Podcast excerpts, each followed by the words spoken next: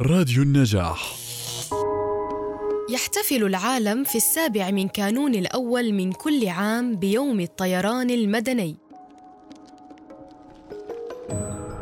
الطيران المدني الذي يساهم بشكل كبير في التنمية الاجتماعية والاقتصادية للدول حول العالم.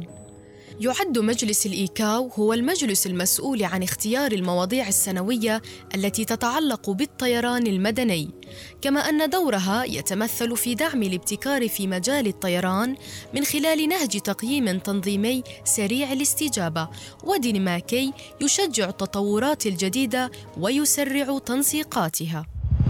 اختار الإيكاو شعار النهوض بالابتكار من أجل تطوير الطيران العالمي وذلك لغاية عام 2023 ليكون شعاراً ليوم الطيران المدني الدولي.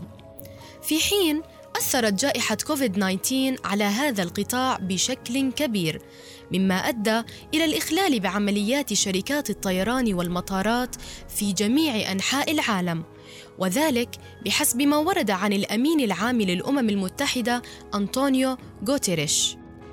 وأنتم مستمعون كيف أثرت خسائر هذا القطاع على حياتكم؟